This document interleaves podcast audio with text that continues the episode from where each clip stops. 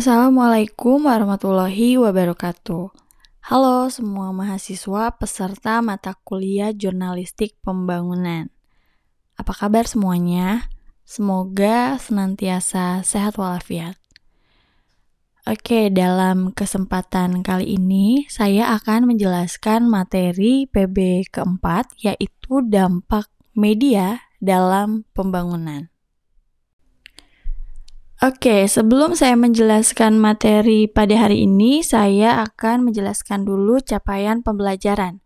Jadi, setelah mengikuti kuliah materi hari ini, kami sangat mengharapkan teman-teman mahasiswa mampu menjelaskan dampak atau efek dari media komunikasi massa dalam pembangunan. Oke, sekarang kita mulai membahas apa itu dampak atau efek media. Nah, secara teori kalau kita membahas media massa itu pasti ada kaitannya dengan fungsi. Jadi media massa itu punya fungsi sebagai saluran informasi, pendidikan dan juga hiburan. Tapi kita juga tahu bahwa kenyataannya media massa juga punya efek atau dampak di luar fungsi-fungsi yang tadi saya sebutkan. Jadi efek e, media massa ini tidak saja bisa mempengaruhi sikap seseorang, namun juga bisa mempengaruhi perilaku. Jadi bahkan e, pada tataran yang lebih jauh, efek media massa itu juga dampak mem dapat memengaruhi berbagai sistem sosial maupun sistem budaya di masyarakat. Misalkan e, bukan sekedar orang tuh berubah opininya atau persepsinya ya, tetapi juga akhirnya tindak tindakannya gitu ya atau perilakunya juga bisa berubah gitu. Terus kalau yang uh, terkait dengan memberikan pengaruh terhadap sistem budaya, misalkan kayak sekarang aja gitu ya, banyak banget tayangan-tayangan dari budaya luar yang akhirnya itu jadi mempengaruhi perilaku kita gitu. Kayak sekarang uh, tumbuh budaya K-pop misalkan ya dari mulai filmnya, dramanya ya drama Koreanya, makanannya dan sebagainya itu juga kan mempengaruhi uh, perilaku masyarakat kita ya, khususnya anak-anak muda seperti itu contohnya. Nah, selanjutnya masih terkait dampak atau efek media ya. Jadi uh, efek uh, media juga bisa mempengaruhi seseorang ya dalam waktu yang pendek atau cepat gitu ya tapi juga bisa memberi efek dalam jangka waktu yang lama gitu. Jadi e, kalau waktunya lama tentu dampak perubahannya juga agak lama gitu.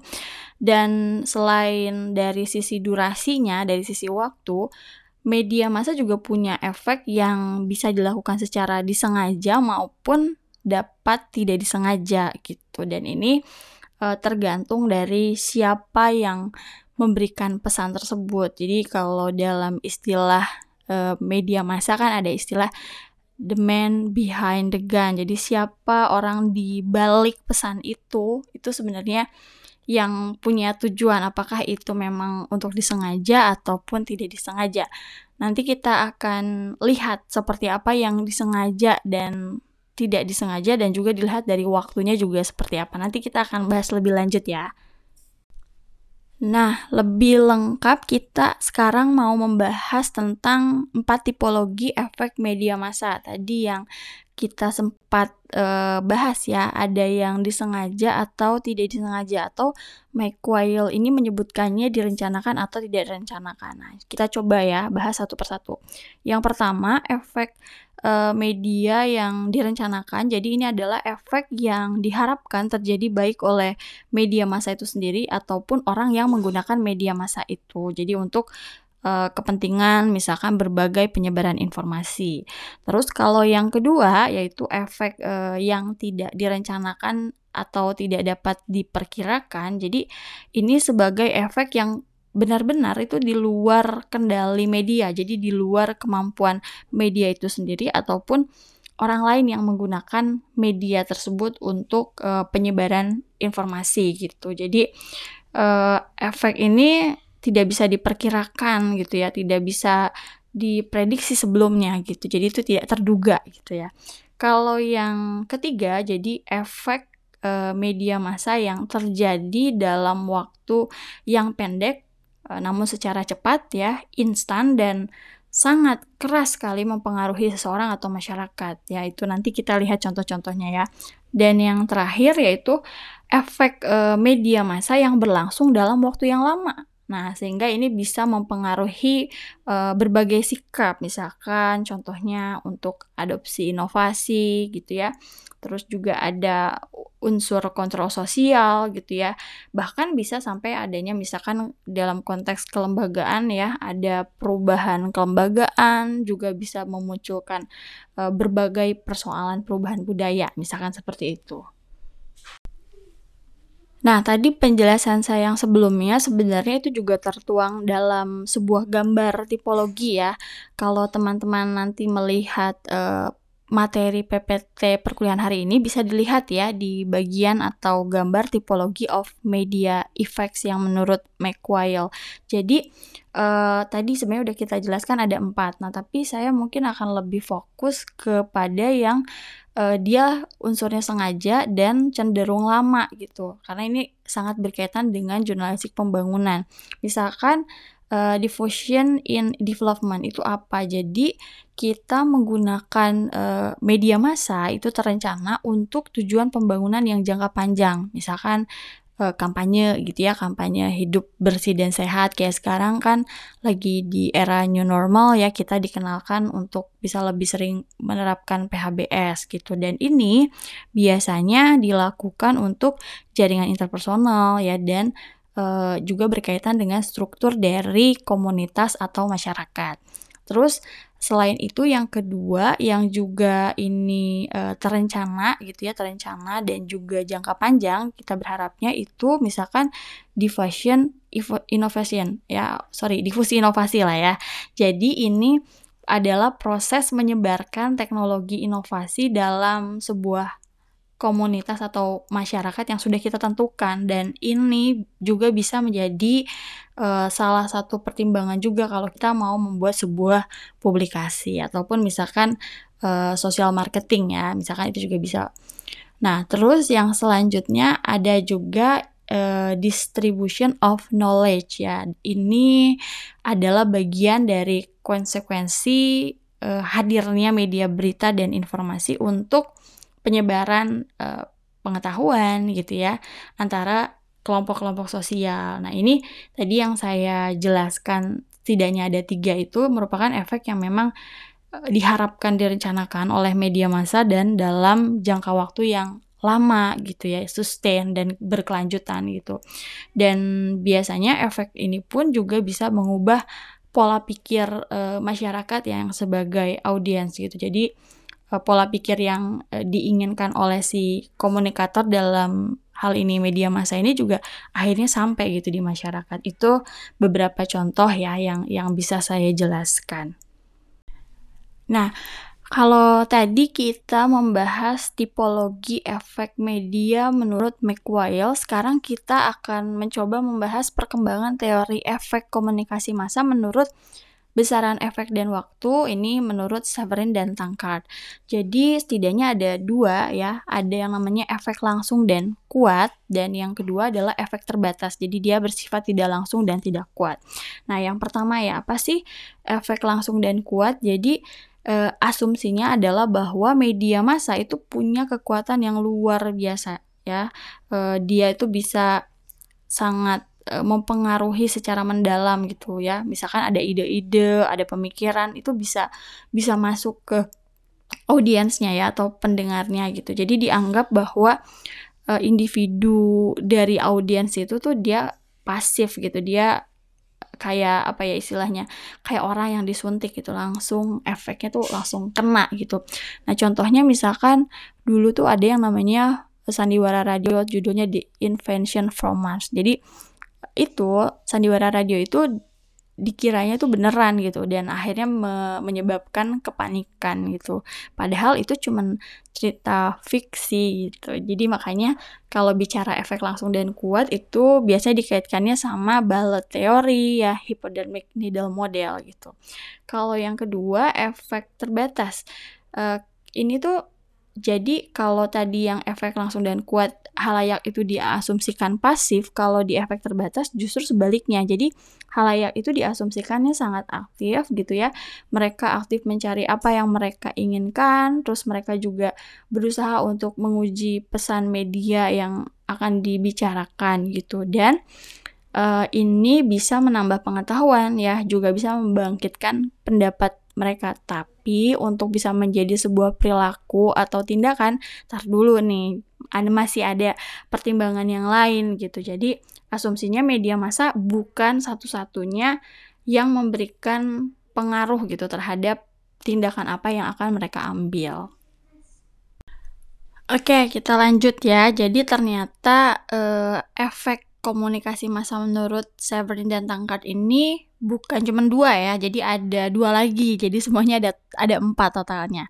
Yang selanjutnya tuh ada yang namanya moderate effect. Jadi apa itu moderate effect? Jadi uh, media massa ini punya efek yang kecil dalam mengubah perilaku. Jadi ini asumsinya berangkat dari bahwa halayak itu pasti akan memberikan respon yang berbeda-beda dalam menerima pesan yang dihadirkan oleh media gitu. Jadi pasti ada beberapa hal yang mungkin uh, bisa mempengaruhi orang untuk bisa percaya atau enggak gitu, misalnya seperti itu.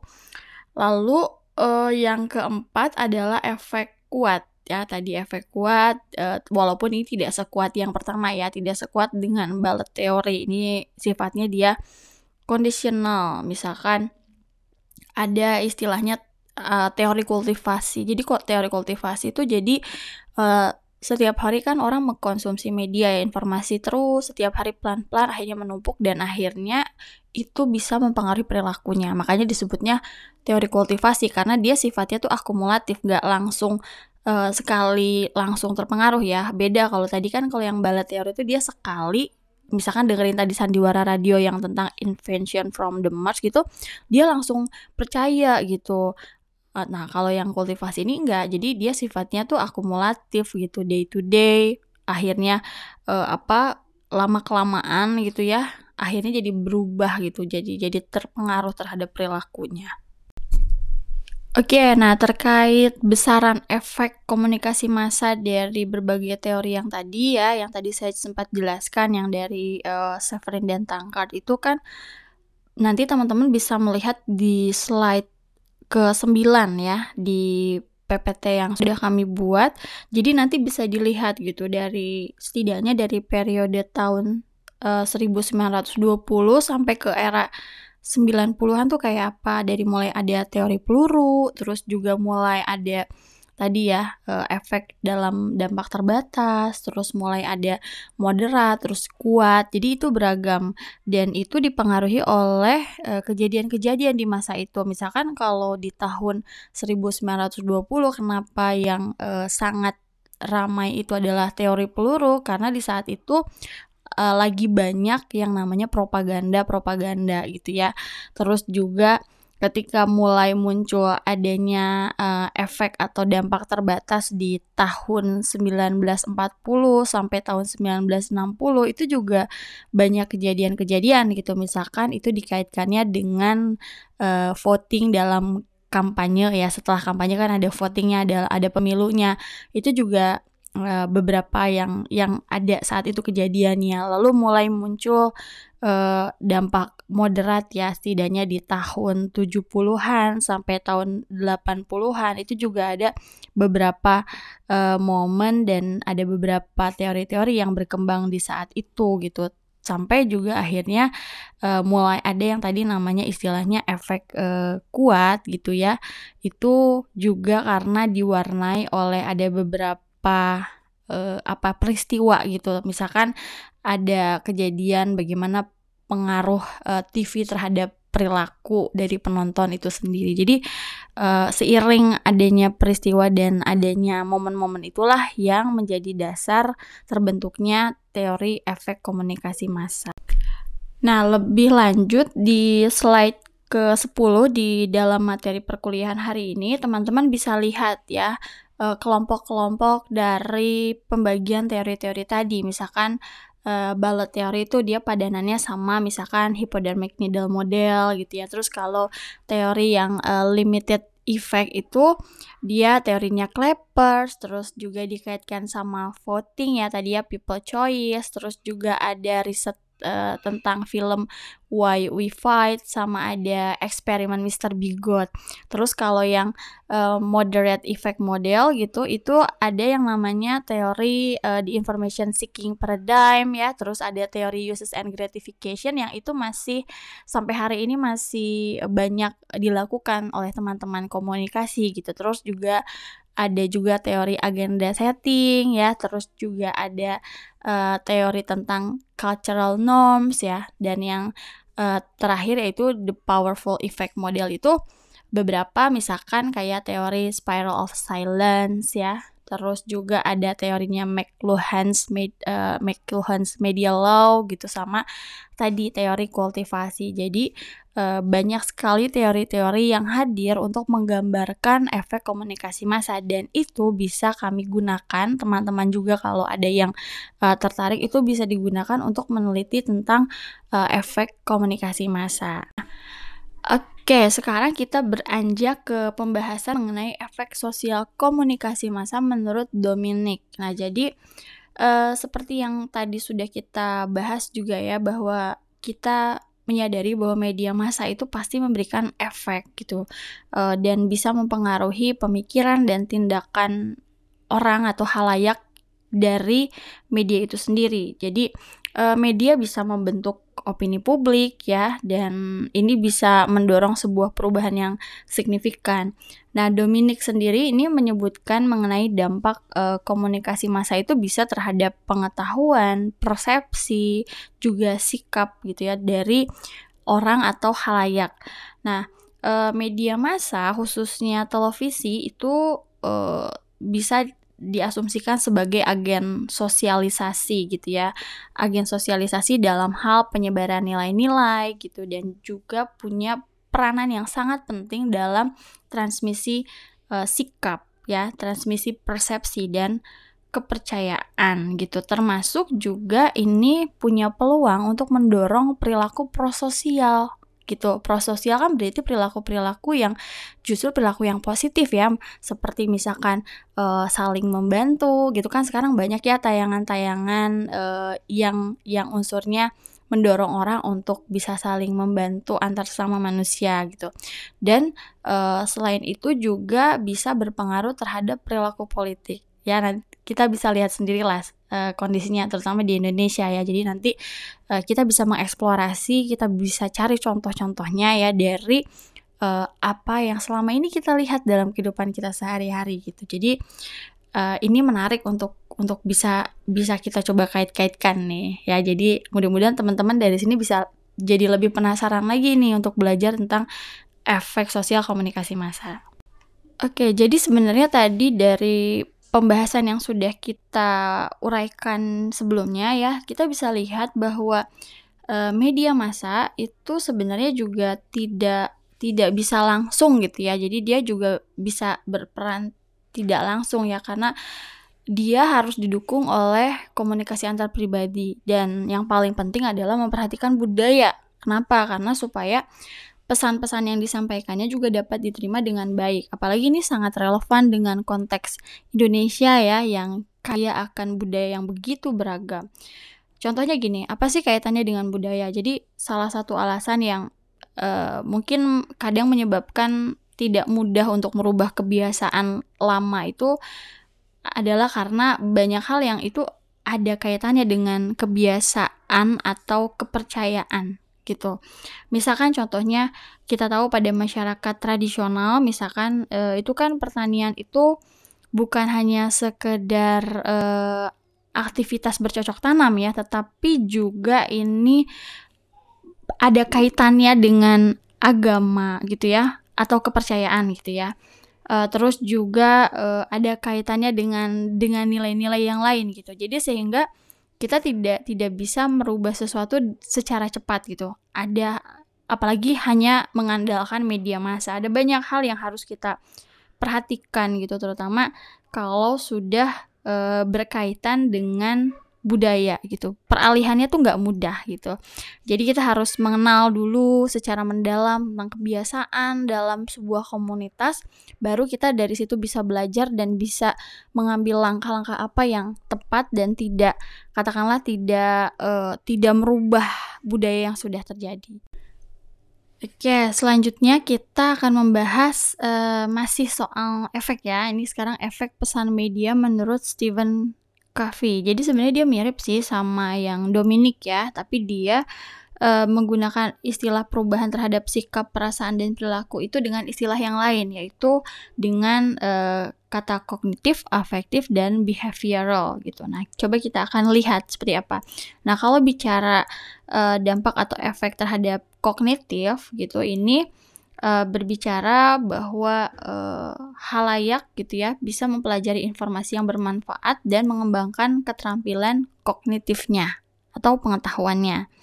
Misalkan uh, contohnya misalkan tadi uh, berkaitan dengan dampak prososial gitu. Misalkan media massa bisa memberikan manfaat yang diharapkan oleh masyarakat gitu. Misalkan TV, misalkan siaran-siaran TV yang isinya memuat mengenai uh, tindakan atau sorry uh, informasi gitu ya hal-hal yang berguna gitu ya berguna untuk masyarakat. Sehingga mendorong masyarakat itu melakukan tindakan-tindakan yang baik gitu ya. Dari mulai dia harus punya pengetahuan dulu oh ini ada ada hal-hal yang baik ya gitu.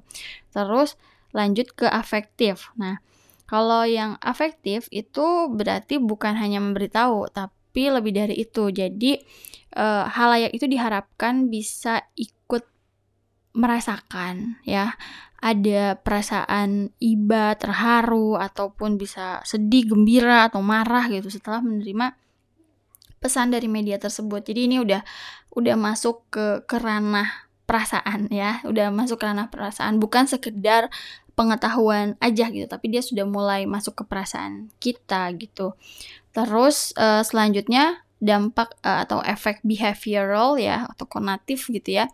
Ini merupakan akibat yang akhirnya muncul pada halayak gitu dalam bentuk berbagai pola tindakan ataupun juga bisa perilaku yang bisa kita lihat langsung gitu. Misalkan uh, orang atau halayak menonton sebuah tayangan.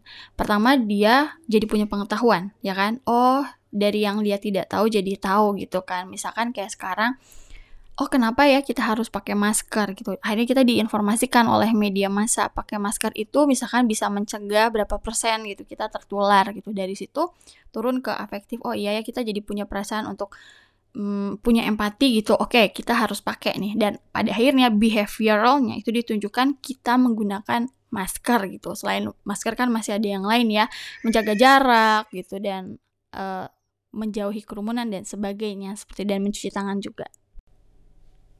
Nah, tadi kita sudah panjang lebar nih membahas terkait dampak atau efek media dari berbagai uh, pakar. Nah, sekarang pertanyaan besarnya yang perlu kita renungkan sama-sama dan harus kita jawab sama-sama juga. Jadi, bagaimana ya dengan konteks uh, dampak media dalam pembangunan? Nah, kira-kira apa jawabannya kalau menurut teman-teman? Coba dipikirin dulu nih kira-kira apa kaitannya media uh, dengan pembangunan. Oke.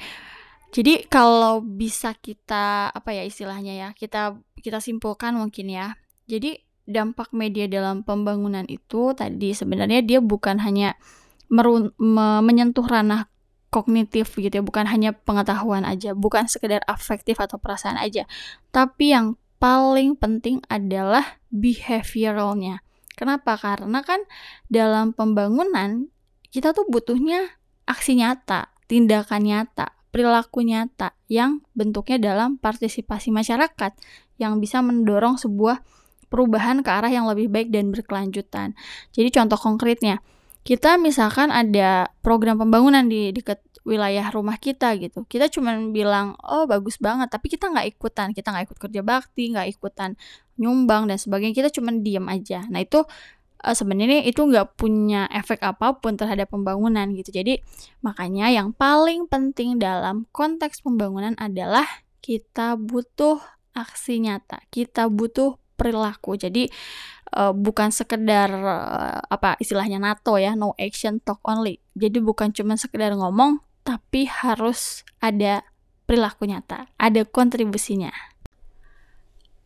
Nah, lebih lanjut tadi kita bicara soal dampak media dalam pembangunan. Nah, sekarang kita ingin juga melihat peranan uh, media massa dalam pembangunan kalau menurut Scrum. Jadi, um, hadirnya media massa harus mampu membantu untuk memperkenalkan perubahan sosial. Jadi bisa dijadikan agent of social change gitu. Karena kita menyadari bahwa sering kali bahwa peningkatan jumlah berbagai saluran komunikasi tidak e, serta-merta diikuti oleh meningkatnya perubahan sosial ya di dalam suatu negara atau wilayah. Misalkan contohnya di beberapa negara itu misalkan e, banyak e, radio yang sudah dibagikan dan dia siarannya khusus untuk pembangunan pertanian tapi nggak langsung otomatis menimbulkan proses adopsi inovasi gitu ya terhadap eh, hal-hal uh, baru gitu karena ada ada banyak upaya yang perlu kita lakukan untuk menggabungkan misalkan siaran radionya dengan kegiatan kelompok pendengar gitu ya di dalam forum pembangunan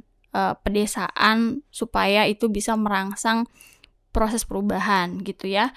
Jadi kita ingat lagi tadi ya bahwa media massa bukan satu-satunya untuk bisa mendorong perubahan. Dia harus didukung oleh aspek yang lainnya. Nah, uh, jadi menurut Scrum dalam hal ini media massa bisa dimanfaatkan untuk apa saja? Yang pertama tentu bisa untuk uh, merangsang atau mendorong proses pengambilan keputusan. Tadi uh, adanya uh, diskusi kelompok sebenarnya itu juga bisa mendorong orang untuk bisa ikut menyumbangkan pikirannya gitu ya sampai akhirnya itu bisa menjadi pertimbangan untuk proses pengambilan keputusan ya. Yang kedua juga bisa untuk memperkenalkan usaha modernisasi atau inovasi-inovasi baru yang yang yang perlu diadopsi gitu dan itu penting terutama kalau dikaitkan dengan uh, peningkatan produktivitas misalkan. Terus yang ketiga uh, untuk menyampaikan pada masyarakat terkait program pembangunan nasional. Nah, ya uh, harusnya sih semua media massa harus sering ya untuk bisa memberitakan ini walaupun kita tahu uh, seperti yang sering sering banget didiskusikan lebih banyak unsur hiburan gitu dibandingkan sesuatu yang lebih bermanfaat untuk masyarakat. Nah, mungkin ini juga jadi PR kita untuk bisa terus uh, bisa berkolaborasi dengan pemerintah untuk terus uh, mensosialisasikan program-program pembangunan nasional di media-media massa. Ya, tadi kita udah banyak sekali membahas dampak atau efek media massa yang lebih positif gitu ya, lebih positif. Nah, kita sekarang juga harus punya pertimbangan atau uh, pengetahuan juga nih. Sebenarnya ada juga uh, dampak sosial yang lainnya terhadap halayak nih yang yang sebenarnya perlu kita waspadai. Yang pertama adalah terkait ancaman terhadap privacy. Kita tahu gitu sekarang kan media massa juga sudah berkembang, sudah masuk ke media digital gitu ya. Setiap orang sekarang bisa dengan mudah berkomunikasi dengan hadirnya media sosial dan sebagainya. Itu juga harus hati-hati karena itu bisa menjadi peluang untuk ancaman terhadap privacy kita gitu ya. Terus yang kedua uh, juga ada istilahnya fragmentasi sama isolasi itu apa. Jadi dengan adanya kehadiran uh, media massa yang sekarang begitu canggih itu bisa menyebabkan orang lebih suka di dunia online, lebih suka mengisolasi dirinya di dunia online dibandingkan harus tatap muka secara langsung di dunia nyata gitu. Ini juga ada kaitannya sama yang ketiga ya pelarian atau escape. Jadi sekarang banyak orang memanfaatkan media gitu ya.